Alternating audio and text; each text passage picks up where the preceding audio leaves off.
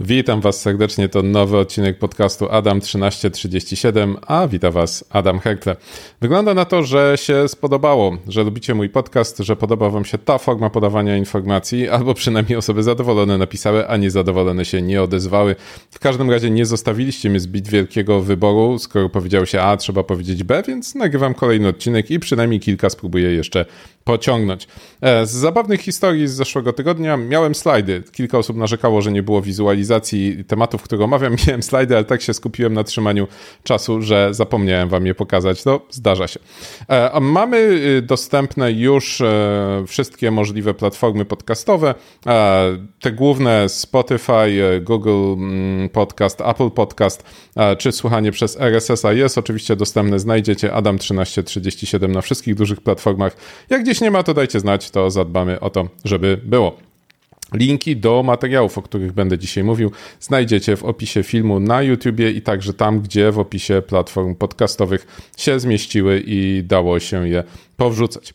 No ale dobrze, do rzeczy, bo to przecież podcast o tym, co ważne w cyberbezpieczeństwie, więc co ważne w cyberbezpieczeństwie było w ostatnim tygodniu. E, chyba najlepszy raport tego roku. Raport Microsoftu o tym, co dzieje się na Ukrainie. E, 21 stron, z czego 18 tekstu, ale duże czcionki, dużo obrazków, więc czytania nie jest bardzo dużo. Serdecznie polecam, jeżeli chcecie zobaczyć dobry raport o bezpieczeństwie, dobry raport o konkretnym temacie, to to jest idealny przypadek. A jeżeli jeszcze macie zrobić jakąś prezentację na temat tego, co dzieje się na Ukrainie. To jest to idealne źródło informacji, pełne kompedium wiedzy, potwierdzam, bo sam tydzień wcześniej robiłem webinar o cyberwojnie. Do tej pory zresztą można obejrzeć wideo zaufana trzecia strona.pl. No, można też za darmo oczywiście. Natomiast e, no nie miałem wtedy tego raportu Microsoftu i bardzo ubolewam. A co w tym raporcie Microsoftu, jeżeli wolicie mnie posłuchać, niż ten raport przeczytać?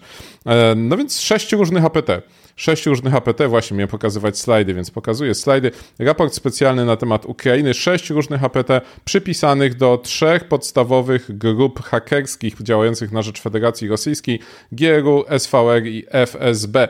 E, oprócz tych sześciu głównych grup APT oczywiście wiele innych, wiele różnych ataków z ciekawych wniosków. Ataki koordynowane wraz z atakami kinetycznymi. E, grafy w raporcie, które znajdziecie, pokażą wam informacje na temat tego, jak ataki na konkretne instytucje, na konkretne rodzaje obiektów, na konkretne regiony koordynowane były z atakami cyber na te same regiony, na te same kategorie obiektów. To niezwykle ciekawe wnioski dla wszystkich osób śledzących temat y, cyberwojny. Po kilka ataków tygodniowo, kilka ataków tygodniowo, y, opis tydzień po tygodniu tego, co się działo w Ukrainie, 237 operacji, ale uwaga, od marca 2021 roku według Microsoftu to rok wcześniej zaczęły się przygotowania przygotowania, wyraźne przygotowania napastników do tego, aby czynić e, szkody na e, Ukrainie. Bardzo ważne jest to, że Microsoft wskazuje na ogromny zakres współpracy firmy z zaatakowanym krajem, jego rządem, jego instytucjami, organizacjami i firmami. Microsoft, mając e, fantastyczną telemetrię za pomocą różnych systemów e, zaszytych w Windowsa, włączanych lub wyłączanych przez użytkowników, jest w stanie zebrać mnóstwo informacji od e, wielu, wielu już lat, jest w stanie szybko reagować i uczy się reagować coraz szybciej i pomaga zaatakowanym jednostkom, zaatakowanym organizacjom w wykrywaniu tego, co właśnie w ich sieciach się dzieje. I Microsoft podkreśla, że współpraca z rządem ukraińskim, ze służbami ukraińskimi jest bardzo dobra. Mają gorącą linię otwartą specjalnie na potrzebę tego konfliktu trudno się dziwić. Bez wątpienia tych informacji przekazywanych jest sporo i mamy nadzieję, że Microsoftowi we współpracy z e, ukraińskimi obrońcami i tymi wszystkimi, którzy im pomagają, Microsoft nie nazywa tych firm, tych organizacji, ale wiemy, że jest ich sporo. Mamy nadzieję, że te działania są skuteczne i kładą solidne kłody pod nogi wszystkim rosyjskim hakerom. Co ciekawe, e, obrońcy ukraińscy mówią, że gorzej już nie będzie, że wygląda na to, że Rosjanie odpalili na nich wszystko, co mieli e, i teraz muszą sobie po prostu z tym poradzić. Microsoft oprócz tego, że informuje o trwających atakach, informuje o planowanych atakach, których przygotowanie widzi, bo często widzi już na przykład uruchamianie złośliwego oprogramowania, które jeszcze nie wystartowało w całej sieci, ale już komendy poszły, już pierwsze próbki są i Microsoft jest w stanie zacząć je blokować. Microsoft także informuje o podatnościach, o podatnościach w usługach i to z raportu nie wynika, że tylko chodzi o usługi Microsoftu, więc możliwe, że współpracuje także z firmami skanującymi wszystkie mm, hosty w sieci w ogóle światowej i znajduje te, które są podatne w Ukrainie i przekazuje te informacje ukraińskim partnerom.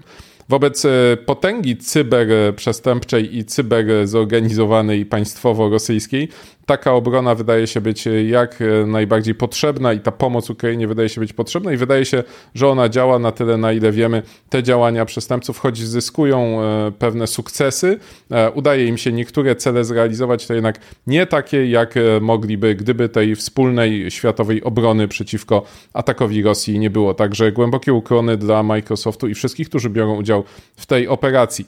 A dzisiaj wieczorem o 21 w niedzielę będzie można posłuchać rozmowy z pułkownikiem Mariuszem Chmielewskim z NCBC, e, gościem rozmowy kontrolowanej. Będzie też oczywiście nagranie tej rozmowy do odsłuchania, jeżeli ktoś nie zdąży na żywo, serdecznie zapraszam. Druga ciekawa informacja z e, rynku rosyjskiego to to, że grupa SecureWorks działająca w ramach Della, zajmująca się badaniem zagrożeń, zidentyfikowała atak Chińczyków na Rosjan. Co ciekawe, Chińczycy wykorzystali najprawdopodobniej odwrócenie uwagi oddziałów cyberrosyjskich i wysłali jakieś dokumenty podszywające się pod e, komunikaty unijne na temat sytuacji na Ukrainie do jednostek rosyjskich stacjonujących blisko granicy z Chinami. Tak przynajmniej sugerują nazwy tych dokumentów. W środku było zaszyte złośliwe oprogramowanie, więc wygląda na to, że e, wojnę Rosji z Ukrainą wykorzystują także inne kraje, aby skubać trochę i zdobywać informacje na temat e, tego, co w Rosji się dzieje. Natomiast z tego, co wiemy, Chińczycy nie atakują Ukraińców. Były takie newsy wcześniej w sieci, ale wygląda na to, że były to fake news. Natomiast z ciekawych incydentów, których nie było, to moja ulubiona kategoria.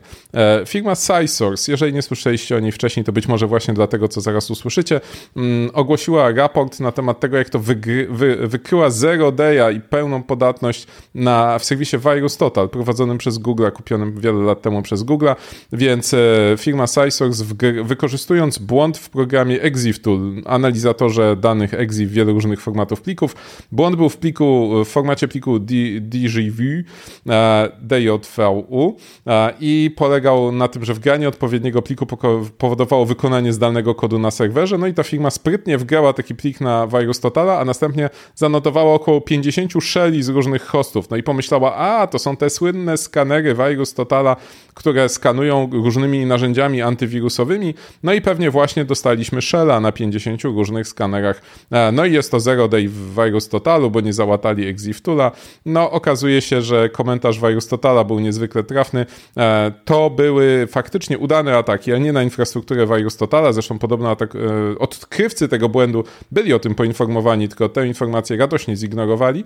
E, były to oczywiście udane szele, no bo te, te połączenia, te powłoki interaktywne się odpalały. Natomiast one odpalały się w infrastrukturze firm antywirusowych, które z Virus Totala pobierają próbki do swojej infrastruktury i tam ją sobie testują po swojemu.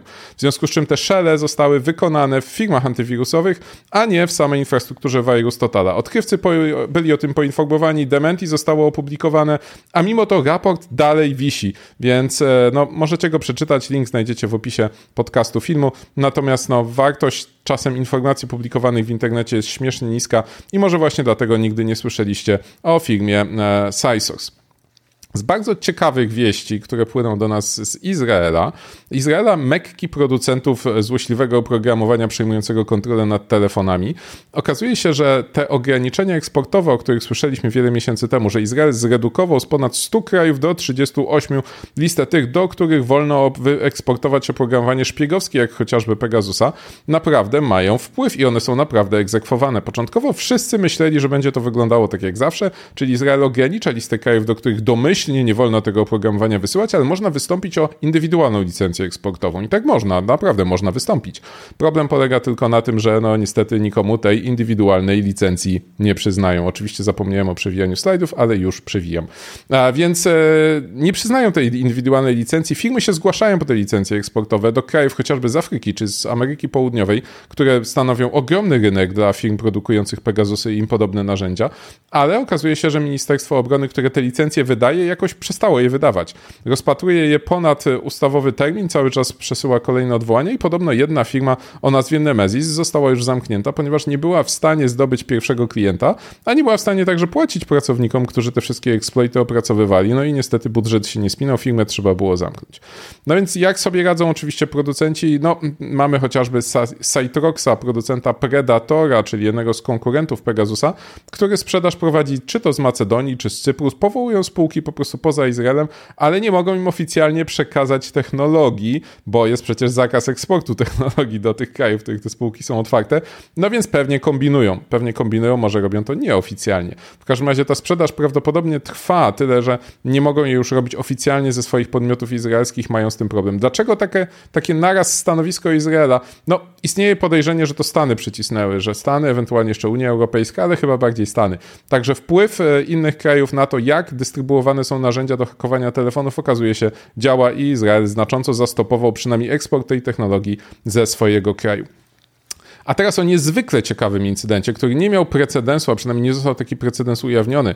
Otóż kilka dni temu w godzinach wczesnoporannych przecięto naraz kilka światłowodów kluczowych dla telekomunikatorów, o, dla, dla operatorów telekomunikacyjnych we Francji. W kilku podparyskich miejscowościach przecięto łącza. Na wykresie widzicie skok w, w opóźnieniach transmisji, w utracie pakietów, natomiast na kolejnym zdjęciu pokazuje, jak wyglądają przecięte łącza. To nie jest przypadkowa awaria, to nie jest koparka, która wjechała w kabel, tak jak najczęściej jesteśmy przyzwyczajeni. To jest ktoś, kto przyszedł z profesjonalnymi narzędziami, wyglądającymi tutaj na jakieś mm, na, narzędzia umożliwiające cięcie rur o szerokim przekroju, pewnie jakieś piły tarczowe, przenośne, akumulatorowe i wyciął kawałki światłowodów. Nie tylko przeciął, ale i wyciął i ukradł te wycięte kawałki, więc postąpił niezwykle profesjonalnie, utrudniając szybką naprawę.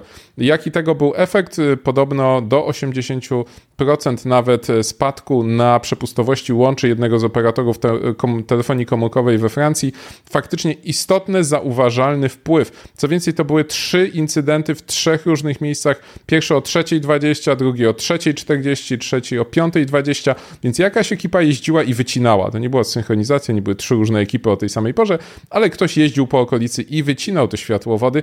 Kto, dlaczego? Nikt się nie przyznał, żadna anarchistyczna, walcząca z cywilizacją organizacja się do tej pory nie objawiła, która by przyznała się do wycinania tych światłowodów. Nie mieliśmy tego do tej pory.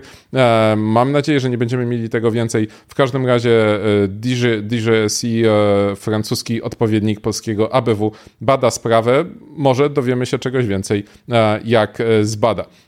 Pamiętacie most w Warszawie, który kiedyś spłonął, spłonęły kable pod mostem i też nie mieliśmy internetu w połowie Warszawy. No, takie rzeczy się zdarzają, ale tam to zdarzyło się ewidentnie celowo. I ostatnia historyjka dzisiaj dosyć krótka.